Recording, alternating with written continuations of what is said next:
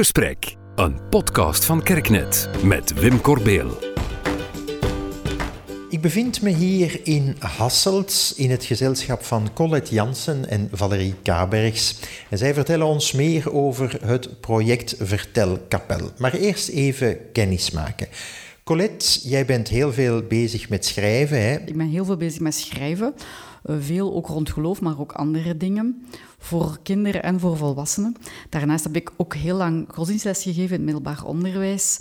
En ook heel belangrijk, ik ben mama van in totaal zes kinderen, drie eigen producten en drie pleegkinderen. En ook oma van twee kleinkinderen. Valerie, wat doe jij beroepshalve en daarbuiten? Ik werk voor het CCV, eh, vooral in de regio van Bisdom Hasselt. En ik vind het altijd heel boeiend eigenlijk om een stukje van die Bijbelse traditie te ontsluiten voor mensen van vandaag. Ik ben ook mama van een dochtertje van vier jaar, uh, waar we heel veel vreugde uithalen.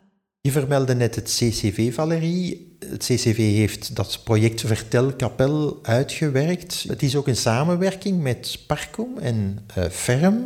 Uh, maar hoe is het project eigenlijk ontstaan? En misschien nog belangrijker, wat omhelst het? Parcum heeft in mei dit jaar eigenlijk een platform gelanceerd om de verschillende Mariakapellen in Vlaanderen in de kijker te zetten.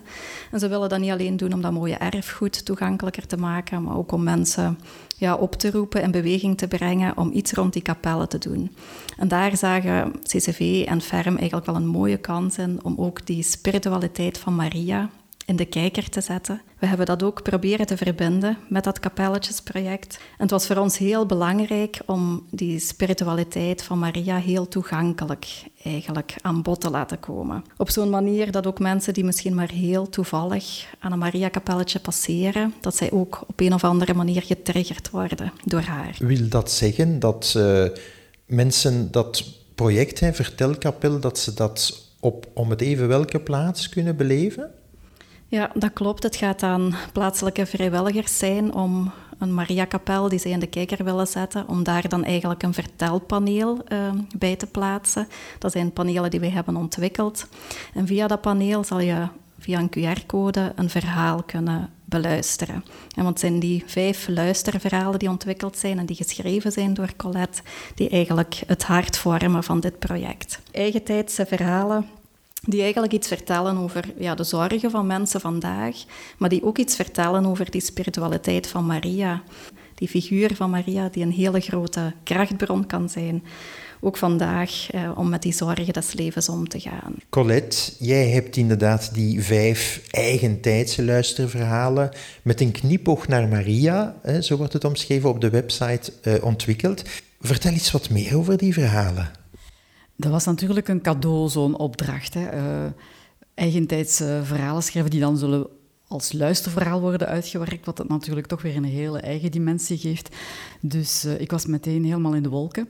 En zeker ook om dan concreet voor het uitwerken van de verhalen te kunnen samenwerken met de ploeg van hè, Valerie van CCV, Leen van Ferm, uh, de twee mensen, dus de Carlien die het, die het als actrice eigenlijk heeft ingesproken en de Rogier, haar partner, die uh, de klankvormgever is geweest. We wilden vanaf het begin, we hebben ook inhoudelijk echt daarover gepraat, van wat willen we van waarde van Maria eigenlijk doorgeven en hoe kunnen we die in hedendaagse situaties met mensen van nu vorm laten krijgen in een verhaal. En kreeg ik dan van hen eigenlijk heel wat inspiratie aangereikt, waarmee ik dan aan de slag ben gegaan om vijf verschillende verhalen rond de vijf thema's die we dan hadden uitgekozen. We hebben dan ook een beetje gelet dat het uh, zowel mannen als vrouwen waren die in die verhalen de hoofdrol krijgen, dat er verschillende leeftijden in zitten, dat er mensen ook uit andere culturen in zitten. Kortom, dat het een, uh, een doorkijkje is van onze samenleving.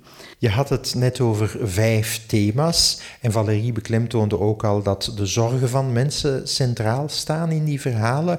Vertel daarover eens wat meer. Uh, we zijn echt gaan nadenken wat er zo in het leven van Maria uh, een rol speelde en wat dan waarschijnlijk door de eeuwen heen ook de reden is geweest waarom mensen bij haar terecht kunnen. Bijvoorbeeld wat we zeker tegenkwamen was als er iets onverwachts en ingrijpends gebeurt in je leven, wat bij Maria heel duidelijk het geval was, dat je in eerste instantie bang maakt. Hoe kun je dat een plaats geven in je leven zodat je toch ja kunt zeggen en dat je toch verder daarmee kunt. Of um, als je dreigt overmand te worden door verdriet, een echt groot verdriet in je leven. En, en je wilt toch kunnen blijven vertrouwen in het leven, in het goede. Dat zijn ook situaties waar je dan inspiratie kunt vinden bij Maria. En, en zo zijn er verschillende. Als je trouw wilt blijven, ondanks alles trouw willen blijven aan iemand. En, en daarvoor manieren zoekt om dat, om, dat, om dat goed te kunnen doen zonder jezelf te verliezen. En toch met aandacht voor wat echt belangrijk is in je leven. Dan is dat ook bij Maria dat je weer terecht kunt. En zo waren er eigenlijk heel wat dankbare thema's om in eigentijdse verhalen te verwerken die ook waar we geen rare kronkels moesten uithalen om die te kunnen verbinden met het leven van Maria. Door haar wijze manier van daarmee om te gaan. Er gaat een zekere rust uit van Maria en het is dikwijls zo van, wij zijn in een stresssituatie en het overweldigt ons, het overmand ons. Terwijl als je die rust kunt vinden die we bij Maria hebben, dan dat je kunt leren van, kijk, dit is een situatie waar ik misschien mee moet leven en moet kunnen zwijgen. Maar er zijn ook andere situaties waar je juist moet opkomen voor rechtvaardigheid, waar je moet leren praten. En dat zijn twee aspecten die je alle twee terugvindt bij Maria. En daarom vind ik dat zo belangrijk om dat ook in die verhalen te kunnen naar voren schuiven. When I find myself in times of trouble, Mother Mary comes to me, speaking words of wisdom, let it be. And in my hour of darkness, she is standing right in front of me, speaking words of wisdom. Let it be, let it be, let it be, let it be, Whisper words of wisdom, let it be. And when the broken hearted people living in the world agree there will be an answer, let it be.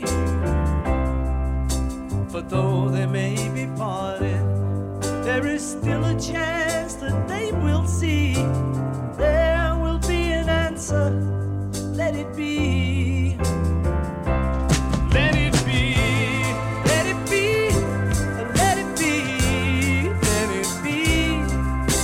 Yeah, there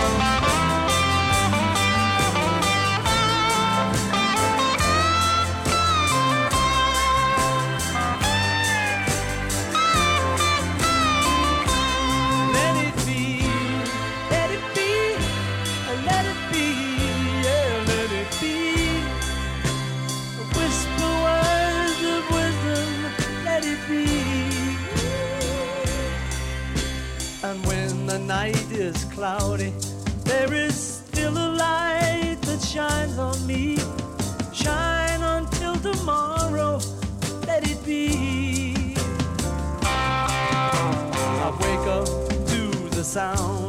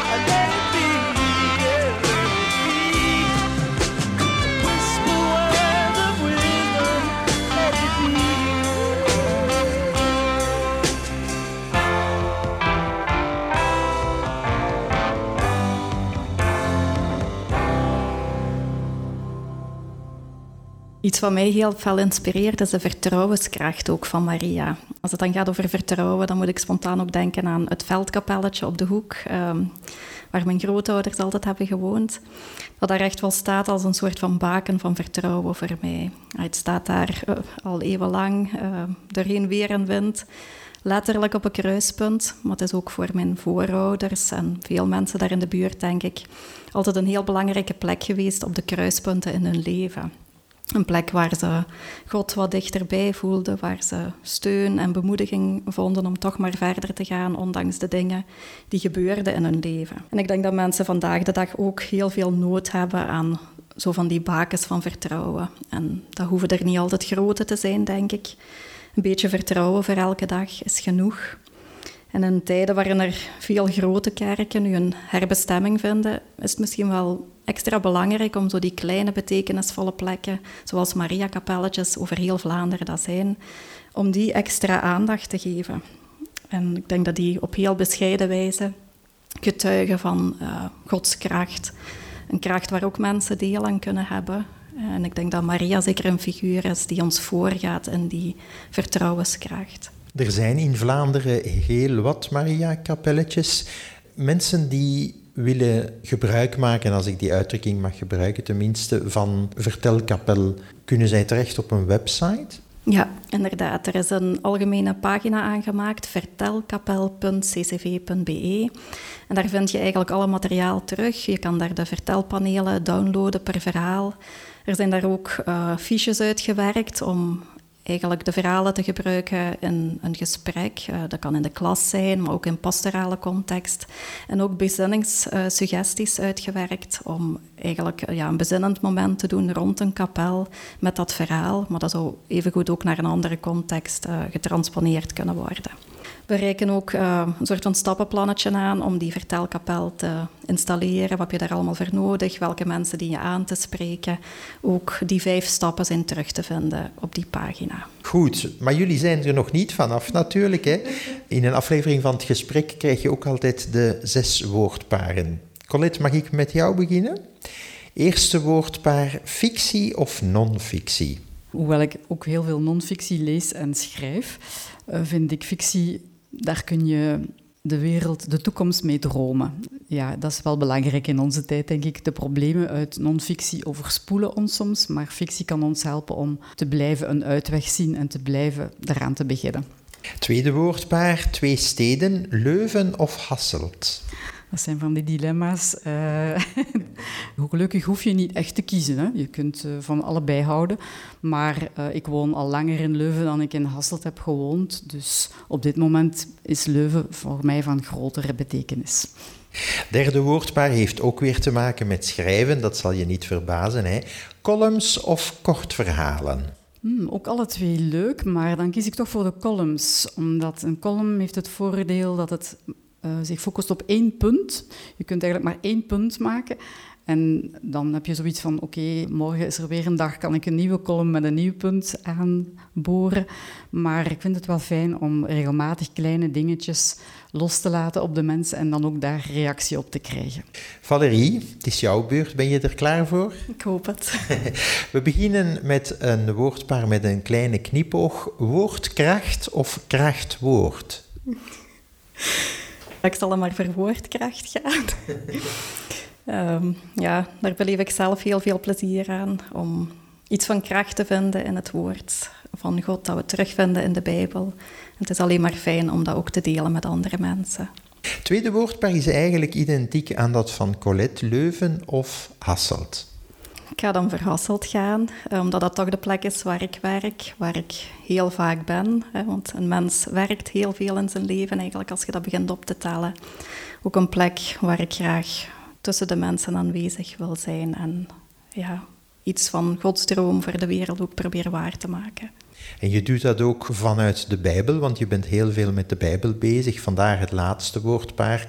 Bijbeltekst of Bijbelverhaal? Bijbelverhaal ja, er zijn heel veel verhalen in de Bijbel terug te vinden, dus ze vallen samen bij de meeste teksten die er zijn. Maar verhaal, ja, daar kunt je zelf ook deel van worden, denk ik. Dat nodigt uit om er mee in te kruipen. En vanuit dat deel worden ja, kan er misschien ook wel iets concreet veranderen in uw leven. Bijbelverhalen nodigen heel erg uit en roepen op om eens anders te kijken naar de dingen dan dat je dat gewoon bent om te doen. Valerie Kabergs en Colette Jansen, hartelijk dank om wat meer te vertellen over dat boeiende project Vertelkapel. Heel graag gedaan. Graag gedaan. Je luisterde naar Het Gesprek. Reacties en tips zijn welkom op wim.kerk.net.